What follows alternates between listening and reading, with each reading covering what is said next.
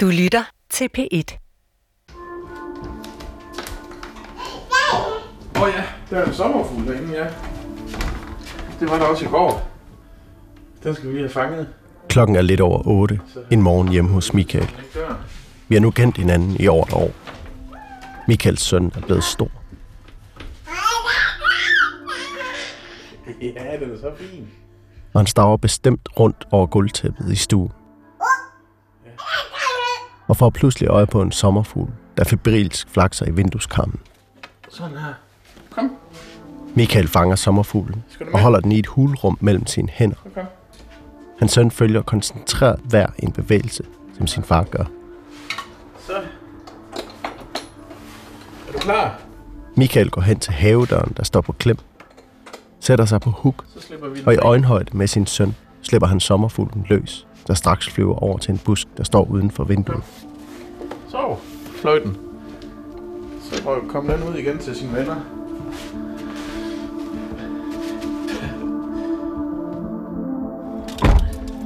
Lidt efter sidder vi alle tre i bilen. Michaels søn skal i vuggestue, Er du klar, trold? og vi skal derefter til Aalborg. Jeg vil godt tættere på at forstå omfanget af Michaels kriminelle fortid. Vi har derfor aftalt at mødes med den kriminalbetjent, John Hansen, der indholdte Michael, efter at han i 1999 havde lavet alvorlig kriminalitet sammen med to kammerater. Han er, anhold, altså, han er den, der har anholdt mig flest gange. Han har også sådan haft, øh, haft ringet et par gange, og mit, hvis mit navn har floreret på døgnrapporten. Det er mange år siden, Ja, det har det jo så. men det, der skete dengang, har betydet meget for Michael. Her gik alvoren for første gang rigtig op for ham, da han stod til mange år i fængsel.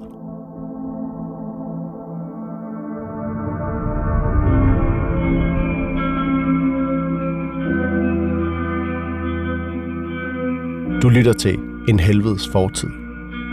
En serie om Michael, der stort set hele sit liv har været kriminel, men som nu har sagt stop. Han er blevet far, og livet som kriminel skal derfor være slut.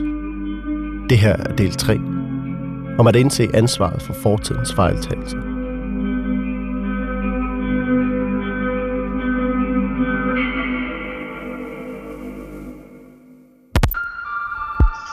Med mig, der, der altså, jeg er så hissig på det der. Det er fuldstændig til at lukke op og skide i. Det er nu et år siden Michael ringede for første gang. Ud af det blå. Og sagde, at han ville fortælle sin historie.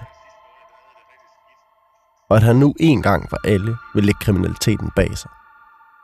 Månederne er gået. Michael har været til et utal af møder med kommunen, hvor han er i et femårigt ressourceforløb. Da hun så kommer, så er det en pige på 20 år, der overhovedet ikke ved noget som helst. Altså, jeg kunne lige så godt, det tog fem minutter, det der møde der, jeg kunne lige så godt have taget det over telefonen. Samtidig har der også lagt sig en restløs apati over ham. Altså, hovedet, det galopperer der ud af med alle mulige tanker og billeder. Næsten hver gang vi taler sammen, siger han, at dagene bare går med at sidde på den faste plads i sofaen foran fjernsyn. Med tanker, der styrter afsted. Jamen, der mig, fordi jeg ser jo ikke syg ud. Michaels humør er stadig meget svingende, når vi taler sammen. Jeg har ikke engang overskud til at være sammen med min egen familie. Øhm, Fra desperat til opgivende til rasende. jamen, det skal nok ende rigtig grimt med, at man virkelig tror en, eller virkelig kører det der, en fra jobcenteret, eller ens egen læge op i en krog med en kniv, eller et eller andet, og siger, prøv at høre, Men hvis du tror nogen med en kniv, så, så ryger du i fængsel. Det gør jeg vel.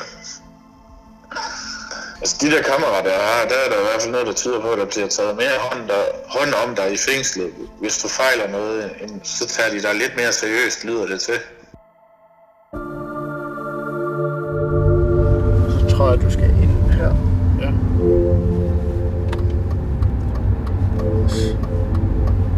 Efter vi afleverede Michaels søn i vuggestue, er vi kørt til Aalborg, hvor vi nu holder på parkeringspladsen ved Aalborg Tårnet. Her har vi aftalt at mødes med kriminalassistent John Hansen. Hej. John er her allerede og vifter med sin paraply, da han får øje på os. Nu bliver der også mindre og mindre. Ja. Jeg gør lige sådan. Ja. Hej. Hej. Øh... En morgen mellem jul og nytår i slutningen af 90'erne da Michael er 19 år gammel, står han hjemme ved Michaels mor og banker på.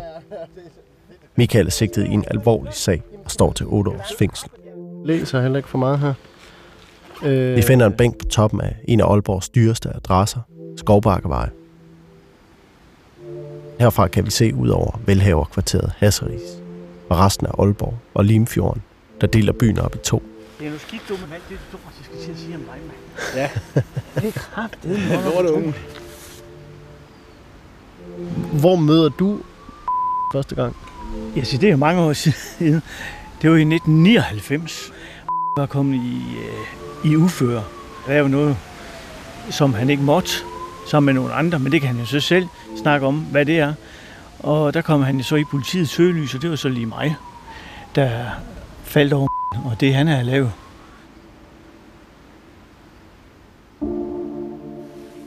Sagen starter en efterårsdag i 1999, hvor Michael og to venner, der også er hans kriminelle samarbejdspartnere, har aftalt, at de vil ud og stjæle benzin fra et militærlager i udkanten af Aalborg.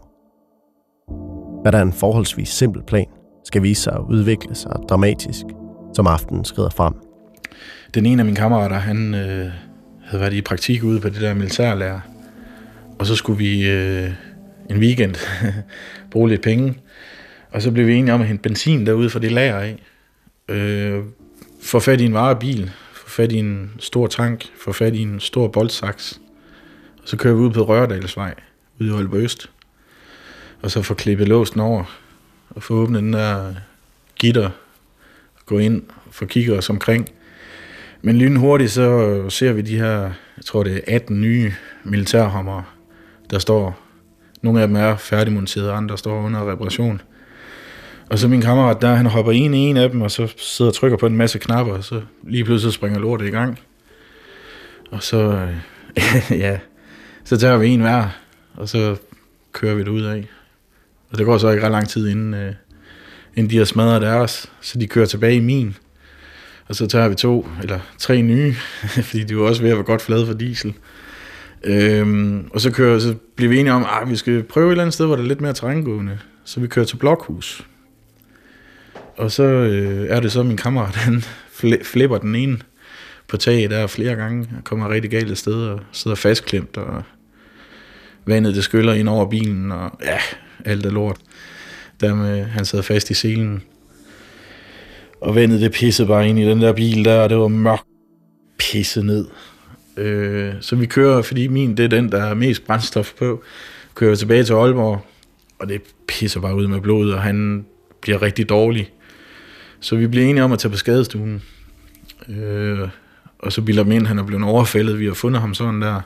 Og det kan vi godt se, den køber de sgu ikke rigtigt. du bliver sgu ikke så ramponeret af at bare være overfaldet. Der skal lidt mere til. Det her er dog ikke første gang, den kriminelle trio stjæler fra militæret. Noget tid for inden tyveriet af køretøjen, har de også fået fingre i 25 kilo af militært sprængstof, kaldet C4. Michaels to kammerater vil prøve at bytte det til narko, men det går ikke helt efter planen. Og det, det gik jo helt galt, fordi de havde ikke... Øh, det var de to, der gjorde det, og der ordnede det og stod for det. Øh, og så da de kom tilbage, så havde de jo ikke tjekket vareprøven, så det var jo flormelis, det de havde fået i byt for det her C4. Man skal jo altid tjekke, tjekke varen, når man laver sådan nogle handler der.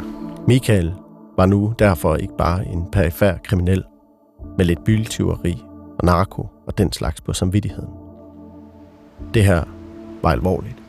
Og så går der nogle uger, og så tror vi egentlig, at den hellige grav er bevaret, og vi kan godt se, at de pisker det op i nyhederne. Og vi går meget stille med dørene. Men øhm, lige pludselig så, jeg tror det er tredje juledag, eller sådan noget, der står politiet og banker på ude ved min mor, fordi de kan ikke finde mig. Jeg vidste godt et eller andet sted. Jeg havde jo hørt, at de andre var blevet taget en efter en, så jeg havde gemt mig lidt. Stort set alle landets aviser skriver om sagen. Og få dage efter bliver Michael så anholdt. Var dig, der anholdt? Ja, det, det, var- det var mig. Øh, Jeg havde talt med den ene af forældrene og, øh, og forklaret, hvad der var, der skulle foregå. Og så aftalte vi det her forløb, og det foregik stille og roligt. Jeg kan huske, min lillebror var der, der var ikke noget. Vi sidder bare stille og roligt, og så er det så først, da vi kommer op i bilen, jeg egentlig bliver anholdt. Og det der er meget stor respekt for den dag i dag også. Fordi de, de kunne sagtens bare have, have lagt mig i håndjern foran min lillebror og min mor. Og, og så, så tror jeg også, at min lillebror han ville have været blevet rigtig ked af det. Ikke? Og jeg kan, jeg kan, jeg kan lige tydeligt huske, at, at nu stod politiet der. Og, og politiet sætter nok en frygt i mange personer, at nu skulle vi jo ind og lægge kortene på bord. Altså, han var da noget nervøs, og det, jeg kan da huske øh, under en afhøringer, altså en af de første afhøringer, man skal lige ind og så have et godt forhold til hinanden, for at kan få åbne for en god øh, dialog omkring de her ting. Og det er en af tingene, det er jo altså, læg nu kortene på bord, fordi det er bedre at gøre det her, end, end at gøre det andre steder. Så er det også hurtigere, at du kan komme videre. Altså, der var ikke et ondt ord imellem os, også fordi jeg, altså, jeg vidste jo godt, altså, så jeg, jeg havde jo hørt, at han var blevet taget, og så gik der nogle dage, så havde jeg hørt jo, at ham den anden blev taget, og så vidste jeg jo godt, det var et spørgsmål om tid også, inden jeg... Øh, inden, øh, og man kan jo ligesom sige, at, at forarbejdet, det var jo gjort et eller andet sted. Jeg skulle sådan set bare fortælle, hvad jeg har været med til. Ikke? Hvor kriminelt var det, det de havde lavet? Altså, Ah, det, det, var, det var rimelig kriminelt, det her. Det må jeg nok sige. Øh, Det var ret slemt. Det var det. Det, det var slemt. Det var på alle landets aviser, forsider og nyheder. Og Vi skal over i kategorien i det, der hedder straffeloven. Og øh, så får man jo ikke en ren straffeattest. Øh, og det er også noget, der forfølger en i rigtig lang tid. Jeg blev dømt for øh, hæleri, tyveri, Han har en del andre sager, der også ligger. Øh, vold, indbrud. Og man vælger derfor at slå de mange sigtelser sammen. Men til sit held, og på grund af sin unge alder, slipper han med en dom på to års betinget fængsel. det var heldigt. Meget heldigt. men det, det, vi, det er vel heller ikke nogen hemmelighed, at i hvert fald din omgangskreds, altså i, i en lang periode efter det, også har været folk, der har beskæftiget sig med kriminalitet. Altså, den er, den er svær. Det er den. Og det, den er svær at slippe helt, fordi jeg også, altså, der var alt for mange skeletter i skabene til, at jeg kunne blive i Aalborg. Øh, og så til så mødte jeg jo så øh, hende, jeg har nu, og så ligesom kom væk fra Aalborg igen. Øh, det, det, det, det er fandme svært. Også altså, når det har været ens... Øh, nogle af dem har jo været ens bedste venner fra barndommen af, og, øh, og nogle flyver jo stadigvæk ind og ud af, af fængsler, og nogle flyver ud af ind af afvindingssteder, og sådan noget. Det, det, det er fandme svært et eller andet sted at sige, at jamen, øh, jeg ville sgu egentlig ikke have dig ind for mine fire, fire væg et eller andet sted, fordi det kommer der ikke noget godt ud af. Men hvad tænker du om det? Altså, hvad, har du nogle, et eller andet, nogle, nogle gode råd? Altså, er på rette spor, synes jeg. Og jeg tror også, det er rigtigt, det han siger. Det er svært at komme ud af, når det har været ens kammerater gennem hele sit liv. Men man må klippe, klippe den der navlestreng, og så forsøge at få bygget noget nyt op. Og det er blandt andet det at få en familie og, og gå op i nogle ting i ens hverdag. Han skal nok have stillet en diagnose på et eller andet. Øh, nu er jeg jo ikke læge eller psykolog, så men, men, men det kan jeg i hvert fald fornemme. Men øh, jeg tror helt klart, at, at, at stadigvæk har noget lige lasten, som han skal have bearbejdet på den ene eller den anden måde. Øh, og så tror jeg også, det er rigtigt, at øh, hvis man flytter et andet sted hen, starter på en frisk, men man skal selvfølgelig også øh, selv være motiveret og, og, og, og sige, det er det her, jeg vil med mit liv.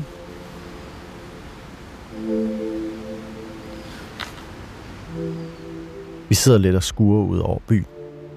En rask sommervind hiver i bøgetræerne, der står omkring os. Og en højfrekvent vislen fra træernes blade lægger sig som en hvid støj over stedet, hvor vi sidder. John tager og til stadig kontakt til Michael. Lige for at høre, hvordan det går.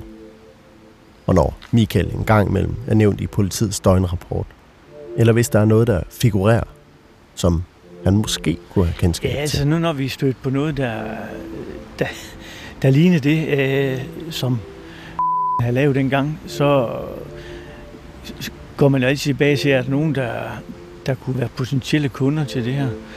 Og øh, så ringer man jo, eller kører ud, og så snakker med, hvor han var, eller hvad han lavede den dag. Og øh, John var ham, der satte Michael i fængsel. Men han er også ham, der nu gør et forsøg på, at han ikke havner der igen. Men det lader dog også til, at han godt ved, at Michael endnu ikke helt har lagt sit kriminelle jeg bag sig. Og så får vi en god snak om, hvad han bedrevet, siden vi snakkede sidst, og hvad hans planer er fremover. Jeg får nok heller ikke det hele at vide. Jeg tror, jeg har, øh, hvad jeg skal bruge, hvis bare lige om at optage 10 sekunder af af blæsten her. Det er til sådan noget redigering. Har, har du noget, du vil sige til sidst? Nej, ikke enten. øh, Jeg vil ønske held og lykke fremover, og håber, han kommer ud øh, af det her. Og, øh, og jeg ringer stadigvæk til ham. Vi siger farvel til John med en coronavenlig albu og ruller ned af Velhavervejen med store hvide villaer og trampoliner i haverne. Og forbi bænken, hvor vi du for lidt siden sad. Nu har vi lige øh, sagt farvel til John. Hvad tænker du om det, han sagde? Øhm, jamen, jeg tænker, han, har- han har sgu meget ret. Altså, han, han kender mig også for det dårlige og det onde. Øhm, jamen, jeg, jeg, jeg, sgu, altså, jeg er bare glad for at snakke med ham stadigvæk. Altså, han... Øhm, øh, selv, selvom han er bare med på sidelinjen, ikke? Tror du også godt, at han ved, at, at du stadigvæk måske laver noget, der ikke er sådan, sådan helt 100% lovligt? Det tror jeg godt. Det tror jeg godt. Det lød det også til, at han godt sådan vidste, at det var ikke alt, han ved, eller fik at vide. Det sagde han jo også selv, at han var udmærket klar over, at det var ikke alt, han fik at vide.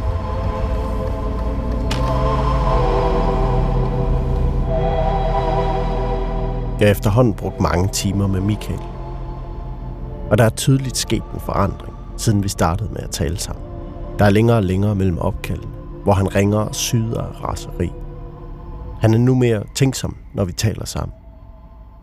En dag ringer han efter at have set filmen Goodfellas. Der er en amerikansk gangsterfilm, der foregår i 50'ernes New York.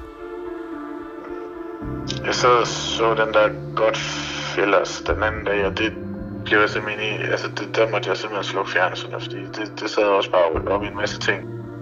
Det er som om, at en lede ved hans fortid er ved at krybe ind på ham. Selvom han ellers har svoret, at han ikke som sådan fortryder noget. Det der med, at det bare smadrer folk med køller, og Men kan du huske, at du har oplevet noget, der minder om det? ja, noget derhen i hvert fald. Sket er sket, siger han.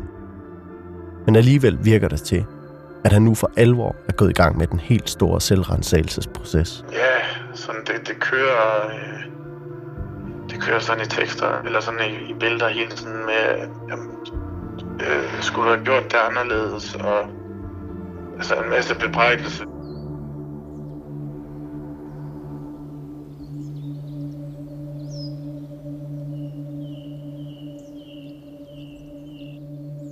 Altså, når jeg har de der ture der, så, så kan jeg jo sidde hjemme sofaen i 14 dage, 3 uger, hvor der absolut ikke sker noget.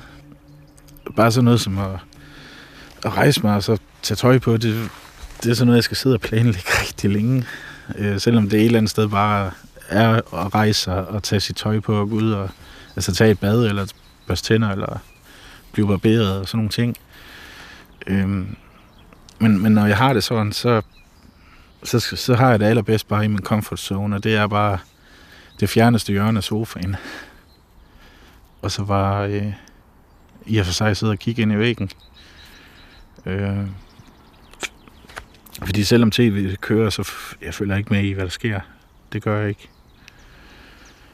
Øh, og det der stillhed, det kan jeg bare slet ikke. Det der, der, der skal helst bare være et eller andet, der lige sådan kører i baggrunden. Øh, hvis der er helt stille, så løber det fuldstændig lømsk. Øh, og så er det der med, at jeg bare sidder øh, gerne bare sådan her og, og, og masserer hovedet, eller hvad man skal sige. Øh, Jeg er ikke rigtig kontaktbar. Hvad det er, der rumsterer i hovedet, ikke sådan lige at få ud af ham. Men pludselig tager han en dyb indånd og fortæller, Altså, det, det, var, det var da mig og så en eks gik fra hinanden, hvor vi havde nedlagt landejendom og to biler og sådan nogle ting, hvor øh, det eskalerede fuldstændig i en kæmpe vold. Voldssag også. Det, Hvad skete der? Jamen, der skete det, jeg afleverede... Øh, øh, jeg afleverede den... Jeg afleverede knægten ude ved, ved hende. Jeg har, en, øh, jeg har en dreng fra et tidligere forhold, jeg ikke ser. Og jeg, øh, jeg har set ham ganske få gange. Men øh, jeg havde jeg havde ham, øh, fordi hun skulle flytte. Og så, øh, da jeg så afleverer ham, der står han og, og tror mig. Og så øh, hakker Hendes nye kæreste? Ja. Og så hakker jeg ham nogen, og det er ansigtet. Og så tager jeg ham, og så knaller hovedet ned i, øh, ned i kofangeren på min bil. Øh, og så ligger han der. Og så kører jeg. Og så... Øh, men jeg, jeg fortryder bare, at, at jeg nok gjorde det, som jeg gjorde et eller andet sted, fordi det gik jo ud over min søn. Han var jo øh, fuldstændig knust et eller andet sted. Og var rigtig ked af det, og var rigtig bange. Hvilket er fuldt forståeligt. Altså, jeg har jo øh, dårlig samvittighed over, at, at øh, han stod der og, øh, og skulle opleve det der et eller andet sted. Fordi det er jo det, jeg selv har været igennem også. Øhm, det er første gang, jeg hører Michael tale så lige ud om dårlig samvittighed. At han på den måde bebrejder sig selv. Og også første gang, jeg hører om hans søn fra det tidligere forhold. Du, det er først, først nu, du fortæller om den søn, der du har. Ja, og, og det er også fordi et eller andet sted, det er så mange år siden, at jeg havde det sådan lidt til at starte med, at øh, det, det behøves folk sgu ikke at vide. Men, men jeg kan godt se også, at, at øh, meget i det her dårlige samvittighed og alt det der bølger, der bare kommer hele tiden, der, der kan jeg godt se, at, at jeg har æderup med lave nogle gevaldige fejl, altså også over altså håndteringen i det der med, at vi gik fra hinanden, og altså, jeg, da vi sad inde på statsamtet, der hende der, jamen, du er jo rocker-relateret, du har jo ikke nogen rettigheder. Øh, med dem, jeg rent med, så skulle jeg ikke gøre mig nogen forhåbninger om, jeg nogensinde fik ham at se igen. Og der, der blev jeg tosset derinde. Altså jeg smadrede faktisk en vagt og fik to måneders betinget. Vi sidder lidt og glor ud i luften. Michael gnider sig igen mod panden, som han gør, når tankerne myldrer for meget. Det er nu mere end et år siden, vi sad ude ved Jens, Michaels reservefar, og talte om fortidens handling, om dårlig samvittighed, og hvordan Jens forudså, at den også ville ramme Michael en dag. Sommersæsonens fugle, der dengang og nu igen svæver over hovedet på os, har i mellemtiden været en tur sydpå, og nu vendt tilbage til de nordjyske egne og den friske vestenvind igen. Og imens er samvittigheden over fortidens fejltagelser, lidt efter lidt, åbenbart krøbet ind på livet af Michael. Altså, vi var ude i to betjente, en låsesmed og en for foden af hver anden weekend. Og det eneste, jeg fik ud af det, det var en dreng, der var bundulykkelig fra han kom til, han skulle hjem. Så et eller andet sted, så, så det skulle bare nemmere at så sige, at det er det. Og så holder jeg mig væk, fordi jeg, jeg vælger at tro på, at han har haft et bedre liv ved, at jeg ikke har været der. I stedet for at skulle rykke sig igennem alt det der, som jeg også har været.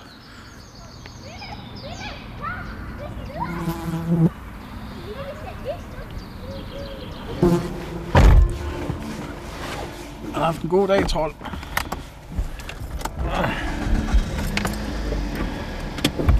Jeg sidder igen i bilen sammen med Michael og hans søn. Vi har lige hentet ham fra vuggestuen. Det er en af de sommerdage, hvor det hele bare sidder og varme. Så da vi kommer hjem, fylder Michael et badebassin, hvor hans søn frygtløst kaster sig i det kolde vand.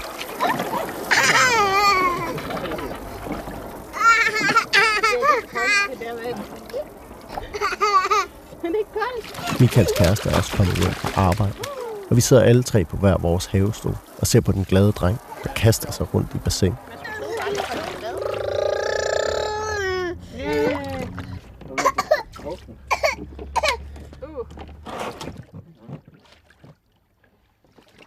Når de sidder der, ligner de en hvilken som helst anden dansk familie, med stationcar i indkørsel og håb forude jeg har efterhånden mødt Michaels kæreste en del gange. Det er ved at være lidt tid, jeg har været i, i gang med det her. Ja, det må man sige. Det klart, Får I noget ud af det? Og vi taler lidt hen over badebassin, om hvordan det hele går. Og hvordan tingene har ændret sig, siden vi hilste på hinanden for første gang. Den er ikke lige så, der er ikke lige så meget fart på, som, som Det har forandret sig rigtig meget. Ja. Ja.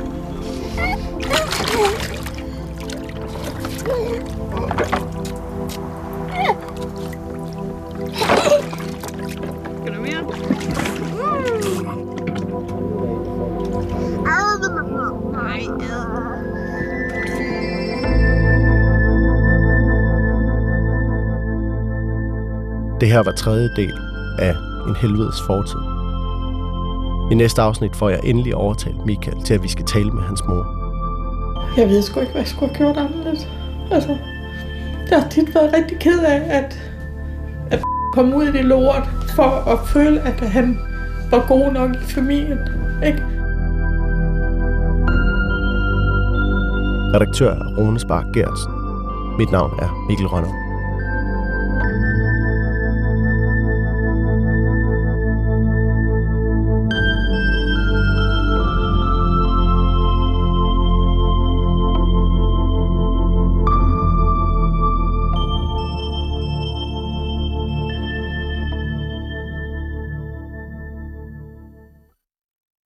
Du kan høre flere P1-podcasts i DR's radio-app. Det giver mening.